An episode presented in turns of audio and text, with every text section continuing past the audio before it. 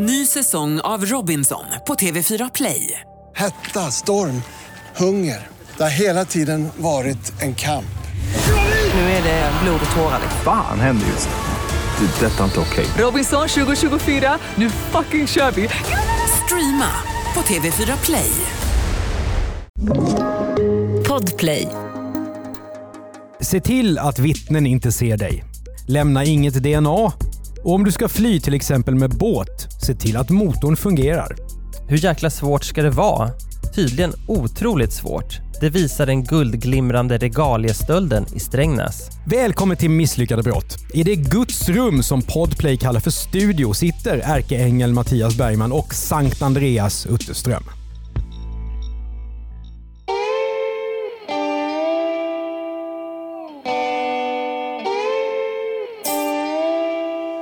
År 2018 bjöd på en rekordvarm sommar. Det gällde även i Strängnäs och även den 31 juli.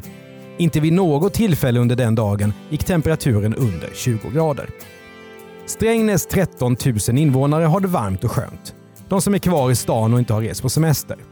Här, sisådär fyra mil fågelvägen rakt västerut från Stockholm, har det bott folk sedan år 6000 före vår tideräkning. Och här blir du lite Herman Lindqvist. Jaha, ja. Så, ne- nej, nej, jag menar det som något positivt att du gjort research långt Det är bak i blå tiden. kavaj och Ja, och Ja. nu kommer du också fram bakom ett kungen hörn. var förstås Nu rasande. går du också fram bakom ett hörn. Ja, Strängnäs mest kända invånare idag är rimligen moderatledaren Ulf Kristersson. Han är dock inte inblandad i det här misslyckade brottet. Det känns ju etiskt att man friskriver ja exakt. Centralt i den lilla staden, 200 meter från Systembolaget och vid Mälarens strand, tronar domkyrkan på Kyrkberget. Den är ett landmärke i Strängnäs. Även om andelen svenskar som är medlemmar i kyrkan stadigt sjunker och är på väg under 50 procent så är ju själva byggnaden populär. Domkyrkan är över 700 år gammal. Här finns gravmonument över gamla tiders potentater. Som Sten Sture den äldre, riksamiralen Carl Carlsson Gyllenhielm och Gustav Otto Stenbock. Är det några du känner? Nej, men jag undrar... Sten Sture har man hört om. Ja, men det har man. Eh, Men jag undrar en annan sak. Du som är känd för att semestra med din mamma, brukar ni besöka kyrkor när ni är ute på en roadtrip? Nej, faktiskt inte. Men det är ju en jättebra idé för att det är ganska roligt. Däremot så vet jag, i Asien har vi nog varit inne i någon form av tempel någon gång. Och Ja, det är ju det- alltid fantastiskt roligt att se. Ja, men det är, det är ju intressant. Men jag tänker om du är sån som går in och tittar på arkitekturen och tittar på regalier och sånt där. Nej, Nej, man vet aldrig. särskilt inte hon. kan jag säga. Strängnäs domkyrka är som ett tegelbyggt eko från medeltiden. Den inrymmer oskattbara föremål från den svenska historien. Men nu skulle vi ju till den 31 juli 2018 vid lunchtid. Utanför domkyrkan kommer Jerker, 21 år, gående. Han tar sig till kyrkobyggnaden från en brygga nere vid Mälaren. Jerker låtsas vara funktionshindrad. Och det gör han hur då? Går han... Det Eh, framgår inte i domen. haltar han? Han kommer inte på rullstol i alla fall. Han kanske eh, har en, någon form av talfel. Han kanske läspar lite. Erik Läspe och Halte. Jerker och hans kumpan Stefan, 25 år, är ute på ett ondsint uppdrag. I verkligheten heter de förresten någonting annat. Hur som helst så tar de sig in i kyrkans vackra mittgång mot den så kallade nedre sakristian. Där finns en glasmonter med bling, värdesaker som snart ska bli stöldgods. Det här är inte som att gå in på Hallbergs guld direkt. För i den låsta montern till allmänt beskådande så finns det en krona av guld med dekor av svart emalj tillverkad 1626. Ett riksäpple av guld med dekor av svart och vit emalj med slipade bergskristaller och pärlor tillverkat 1611. Från samma år kommer en krona av guld täckt med svart och vit emalj med dekor av slipade bergkristaller och pärlor. Och till sist, två spiror och ytterligare ett riksäpple från 1600-talet. Och Mattias, vad är då ett riksäpple? Ja, alltså det här är ju riktig Robin Hood-film när jag associerar. Alltså, du, du vet, en, tänk en, en, lite som ett bollklot av guld, lite större. Det är ju sånt här som man ser på gamla målningar och så. Jag har ju en bild här över de här regalierna och det är ju inget fel på lystern. Ett bling-blingigt påskägg med ett kors på. Det kan man säga. Men, men vad används det till? Vad, vad, är, vad har man haft riksäpplen till från början? Är det som någon slags eh, eh, accessoar som kungen skulle ha i offentliga, eller mer, vad ska man säga, hö, högtidliga sammanhang. Ja, klart är att riksäpplen och spiror och sånt, det går ju inte att använda på något riktigt sätt. Utan regalier är symboler som används för att demonstrera den makt som uppbärs av den som har grejerna. Och Det är ju det här man ser till exempel när folk ska krönas till kung, att de har ett riksäpplet i handen. Jag tycker mest att det verkar eh, väldigt opraktiskt faktiskt. Ja, verkligen.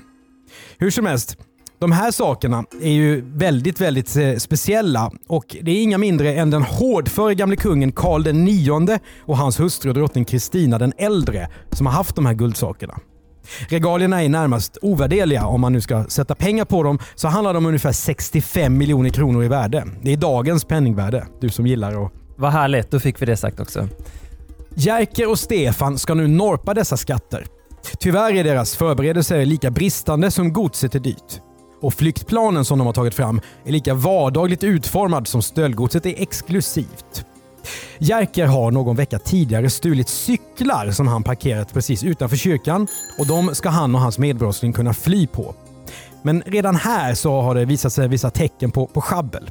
Jerker har nämligen tvingats att stjäla en extra cykel eftersom den första han har tagit visade sig vara trasig. Och det här med att fly på cykel, det Mm. har ju dykt upp här i Misslyckade brott tidigare. Den, den mest kända gärningsmannen som flydde på cykel är förstås Lasermannen. Och han finns ju inte med i Misslyckade brott för det, det finns inte mycket eh, underhållande att säga om de brott han begick. Ja, det var ju lyckade brott också. Det var, det var dessvärre lyckade brott. Eh, men jag tror att många som begår brott tänker att då kan cykeln stå där utan att den väcker något uppseende så är det lätt att åka in i någon gränd. Kanske polisen kan inte följa efter eller vad tror du är lockelsen med just cykel? Ja, det är väl helt enkelt att i en stadsmiljö så är det ju mycket enklare att vara säker på att ta sig fram med cykel även om det skulle vara lite biltrafik. Men de här cyklarna ska bara användas en mycket kort bit och det ska vi snart få höra mer om. Schabblet med den här cykelstölden är dock bara början på det här misslyckade brottet för att Jerkes research inför stölden den har enbart bestått i att han har googlat på regalierna, ska han senare berätta i tingsrätten. Så han har inte ens en riktig koll på exakt var i kyrkan det tänkta stöldgodset finns. Det är orsaken till att han nu fejkar funktionshindrad för att få hjälp av ett äldre par att hitta i domkyrkan. Ja, det är ju kreativt måste jag säga ändå. Alltså, jag har suttit mycket och funderat på om varför han behövde låtsas vara funktionshindrad för det. Men jag undrar om inte det handlar om att han har lite olika sätt här som han vill verka vara någon annan än vad han är. Han vill avleda eh, uppmärksamhet från sig själv. Just det, vi vet ju inte hur han såg ut och det är möjligt att, att han tänker att om jag kommer dit och är mig själv så kommer det här verka mer misstänkt än om jag är funktionshindrad. Då blir det på något sätt mer naturligt att jag eh, söker mig till en kyrka. Någon sån twistad logik kanske det handlar om. Ja. Sen ska man ju, du vet, man ska nog akta sig för att eh, ta sådana här eh, brottslingar på orden när det gäller just logik, rationalitet och planering. Det har ju varit nästan 70 avsnitt visat att det är inte alltid som, som hjärnan har varit inblandad så mycket. Verkligen. Nu tar sig Jerker fram i kyrkan och Karl IX och Kristinas regalier är sannoliken inte det enda han skulle kunna lägga vantarna på. Strängnäs domkyrka formligen dräller av historiska artefakter. Jerker går till höger, sedan till altaret och så ser han den nedre sakristian för sina ögon. Och där står alltså montern med de fantastiska regalierna. Jerkes medbrottsling är också här någonstans, även om Jerker och Stefans berättelse ska skilja sig åt ganska mycket hur det har gått till i detalj. I handlingen finns plötsligt en slägga som medbrottslingen går loss på glasmonten med. De har, eh, alltså de har gömt, enligt Jerker så har de gömt en slägga vid cyklarna. Okej. Men det är inte den som används. Okej. Så det, alltså det finns oklarheter i, i de här domarna. Nu är blinget frilagt att sno. Klockan är 11.36 och larmet från monten går. Jerker plockar på sig två kronor och ett riksäpple.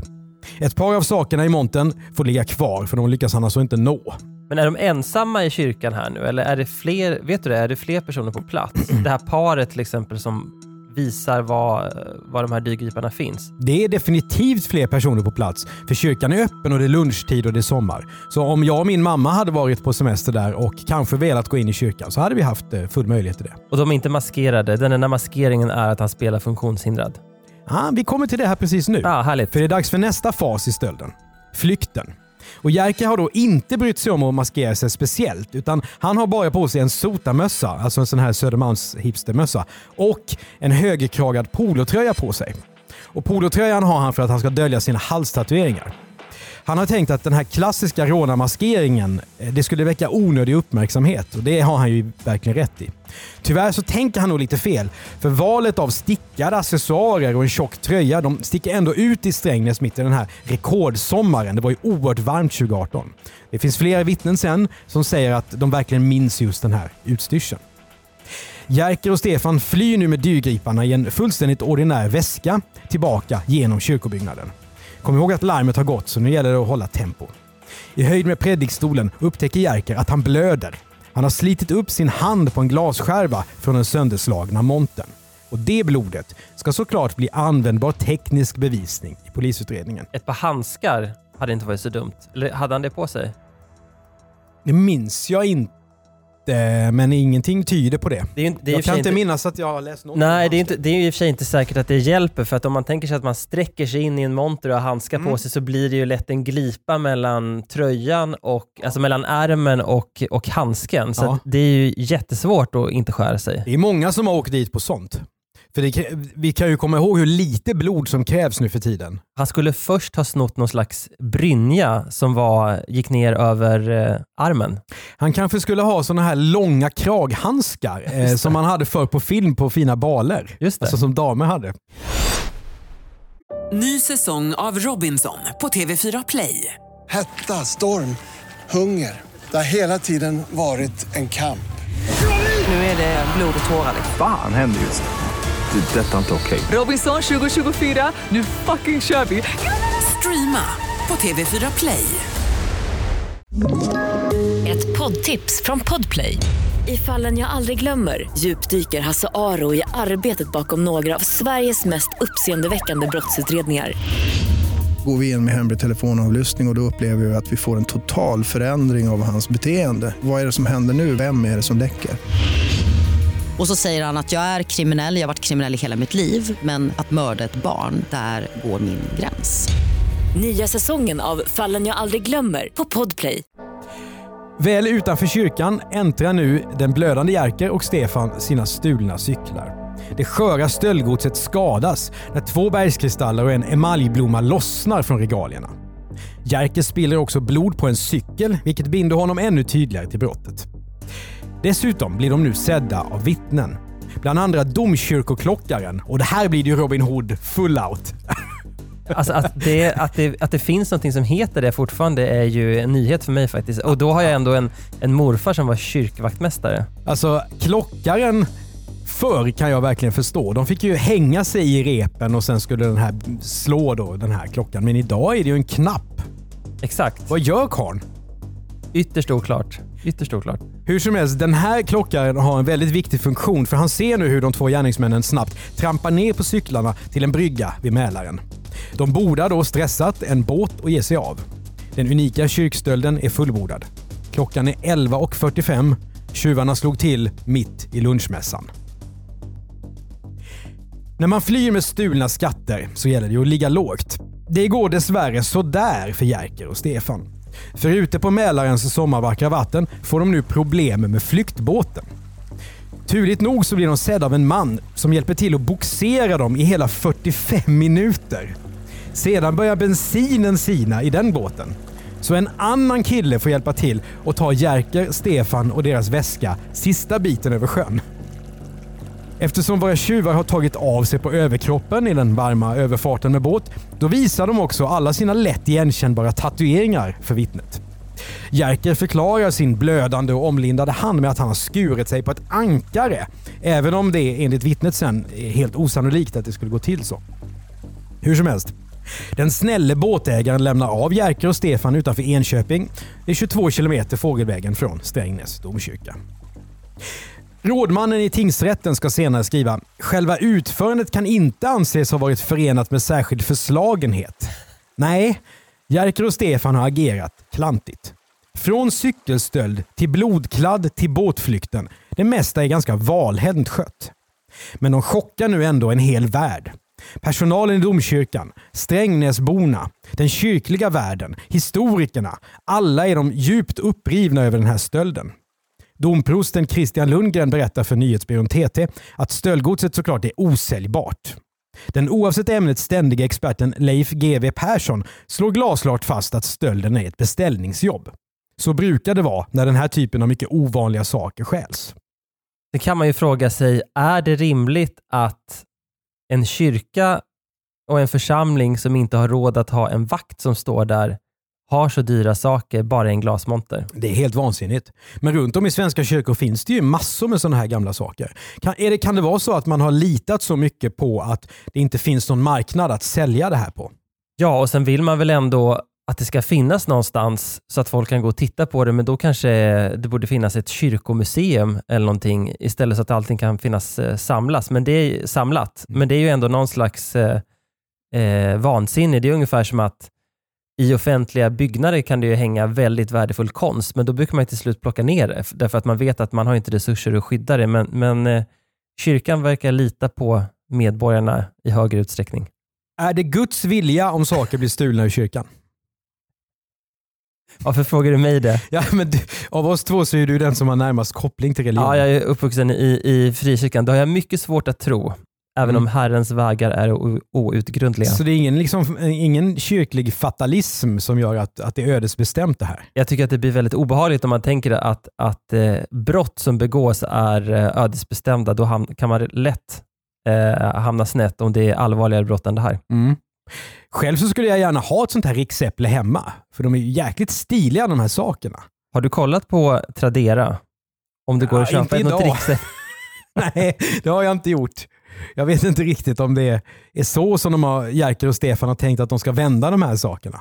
Men vad säger du annars om, GVs argument att, att det här är ett beställningsjobb? För det är också det som alltid hävdas när det försvinner väldigt värdefull konst som inte går att sälja på den öppna marknaden. Då, säljer, då brukar poliser brukar säga Mm. att, eh, att eh, ja, men den här typen av samlare, som, nästan som bondskurkar som sitter och tittar på värdefull konst nere i någon egen bunker och så, de finns egentligen inte utan Thomas Crown. precis, man använder det mer som kanske som pant i knarkaffärer och sådär. Mm. Ja, eller att man utpressar med godset va? Exakt, man, man gör en deal med försäkringsbolaget och håller på sådär. Så Ja. frågan är om det är något sånt det har varit tal om här också. Jag vet inte. Jag vet bara att Leif GW han uttalar sig ju liksom inom en timme efter stölden. Så han, han, är, ju, han är ju väldigt säker. Men det är han Eh, alltid. Han är ju alltid det och det gör ju mig lite misstänksam. Samtidigt så är det klart att han, han har en poäng. Man stjäl ju inte det här för att man ska liksom köpa någonting annat för det. Nej, men en, en sak är väl i alla fall klar att, att det låter ju inte som att de här två herrarna har gjort det här ensamma. Man får ju intrycket, eller jag i alla fall, att det finns någon annan bakom som antingen har eh, pekat dem i den här riktningen, eh, kanske inte stått för planeringen, för då hade den varit bättre. Men att, att det finns någon annan som har varit med på något sätt. Det låter rimligt. Vi kan ju se hur det går här nu i själva utredningen. Den blir nämligen mycket omfattande såklart och mynnar ut i flera rättegångar mot de här personerna. Först 2019 så faller domar. Och exakt vem som har gjort vad av Jerker och Stefan det kan vi inte slå fast av de här domarna för de pratar ganska mycket mot varandra. Det kan också vara fler inblandade i kyrkstölden. Och en person häktas också, som vi snart ska höra om, eh, utan att bli dömd. Men klart är att Jerker och Stefan är de som kommer dömas för den här kyrkstölden och misslyckade brottslingar får man ju lugnt säga att de är. Och i Jerkers fall är det ganska glasklart för han anmäler sig själv till polisen. Kanske har han insett att loppet är kört och blir rädd. Jerker med sitt klädval och sina tatueringar, han är ju lika enkel att identifiera som en clown på en opera. Liksom. Men han har också blivit sedd när han har ställt de stulna flyktcyklarna utanför kyrkan en vecka före stölden. Så han har inte varit vidare diskret. Blodspår har han lämnat lite överallt. Och när båten som de ska fly i har kajkat så har två vittnen sett honom med omlindad hand. Även om bägge de här vittnena har svårt att exakt peka ut honom i efterhand. Jag kommer att tänka nu på eh, ett gammalt avsnitt vi gjorde om glasstjuvarna. Mm. Det var också två, två eller tre unga gärningsmän och då var det så att så fort polisen såg bilderna från övervakningskameran så visste de direkt vilka det var. Och jag tänker att det är säkert likadant i i Strängnäs att när det kommer fram eh, vilket kön det är, ungefär vilken ålder det är och tatueringarna så vet säkert polisen på en gång vilka det här handlar om. Jag är inte riktigt lika säker. Dels för att Jerker inte bor i Strängnäs alls. Aha. Han har ingen koppling till staden. Eh, och om han inte hade anmält sig själv så tror jag att det är ganska svårt för polisen att, eh, att eh, nita honom. Om han inte finns i DNA-registret. Och Dessutom är det ju så att de har ju inte fått stöldgodset tillbaka vid den här tiden. Just det, men då kanske det är så att han är rädd för någon annan som är involverad i stölden. Det finns någonting bakom här som vi inte vet och inte kan berätta om faktiskt. Jerker han säger dock att han har behövt pengar, som så ofta i misslyckade brott, och att en annan person har gett honom idén att stjäla de här regalierna. Och För det så skulle han få max 60 000 kronor. Det är lite skillnad från de 65 miljonerna som godset är värt. Jerkes försvarare tillika din idol Johan Eriksson, en av. Stockholms mest högprofilerade advokater. Han kan inte göra så mycket mer än att försöka lyfta fram förmildrande omständigheter. Jerker döms till 4,5 års fängelse och han överklagar inte till hovrätten. Hårt straff med tanke på åldern. Ja, och det eh, resoneras ju kring detta naturligtvis. Det är ju grov stöld och det är ju, beror på att det här godset är fullständigt ovärderligt, anses det. Det får man väl hålla med om. Absolut. Men Stefan är det inte riktigt lika enkelt. Han har varit snäppet smartare, även om också han har lämnat DNA-spår på skatterna. Dessvärre har han gjort sig skyldig till ett annat och helt sanslöst klanteri. För han har swishat 1000 kronor och ett meddelande tack till en av de vänliga männen som har boxerat tjuvbåten. Det var inte så smart att vara artig där. Men brottslingarna i all ära. Det här ovärderliga riksäpplet och kronorna då, vad har de blivit av? Jo, det kommer att lösa sig mitt under rättegång. För på morgonen den 5 februari 2019 når budet in till Eskilstuna tingsrätt där Jerker står åtalad att dyrgriparna är återfunna. Någon har placerat riksäpplet och kronorna i en soptunna och ställt den på ett biltak på Båthamnsvägen i Åkersberga. För att väcka uppmärksamhet har denne någon också sprayat ordet bomb på soptunnan. Så att polisen hittar då Karl IX och hans drottning Kristinas regalier. Och vem är det de kan binda till det här stöldgodset då? Jo, Stefan. Stefan hävdar att han är helt oskyldig, att han har fått saken av en annan person och bara vill ställa allting till rätta och återlämna grejerna. Regalierna ligger i en papperskasse, men Stefans DNA finns ändå på regalierna. Så var han ändå med och genomförde stölden? Ja, Stefan säger att han har en förklaring på det här också. Han har haft bygghandskar på sig när han har hanterat den här papperskassen, men ibland har han tagit av sig handskarna för att torka svett ur pannan. Och Då har DNA gått från hans heta gässa ner på regalierna. Stefan kan inte dömas för häleri, alltså han har befattat sig med stöldgodset, men han döms för grov stöld till tre års fängelse i tingsrätt och hovrätt. Så kan det gå. Ja, då måste man ändå sitta i två, två år i fängelset och det är ju mindre trevligt än vad många tror, tror jag, även om man sitter på en anstalt som inte är Kumlabunken. Mm. Först i somras, 2020 alltså, så var regalierna restaurerade och tillbaka i Strängnäs domkyrka. Den här gången är montern enligt uppgift mer stöldsäker. Men man kan fortfarande åka dit och titta på dem. Två unga män dömdes alltså till hårda straff. Men det hade nog blivit ännu värre om de hade råkat ut för den vars regalier de snodde, alltså Karl IX. Han var Gustav Vasas tredje och grymmaste son och har gått till historien för hur han både bedrev skenrättegångar och utan vidare bevis blodigt avrättade sina motståndare. Så trots sina misstag gjorde Jerker och Stefan kanske en sak rätt. De lyckades ha timing nog att stå inför rätta i Sverige idag istället för på 1600-talet. Du har hört ännu ett guldprytt avsnitt av Misslyckade brott av Andreas Utterström och Mattias Bergman. Exekutiv producent Jonas Lindskov. För Bauer gör vi också poddarna Jag var där, Misslyckade affärer och Misslyckade makthavare. Lyssna gärna på dem. Normalt så kallar vi oss för Commercial Content, är en specialistbyrå för innehåll och gör du också podden Världens bästa innehåll. Prenumerera och betygsätt gärna podden i din poddspelare och tipsa oss om nya misslyckade brott som vi borde prata om till misslyckade at bplus.se.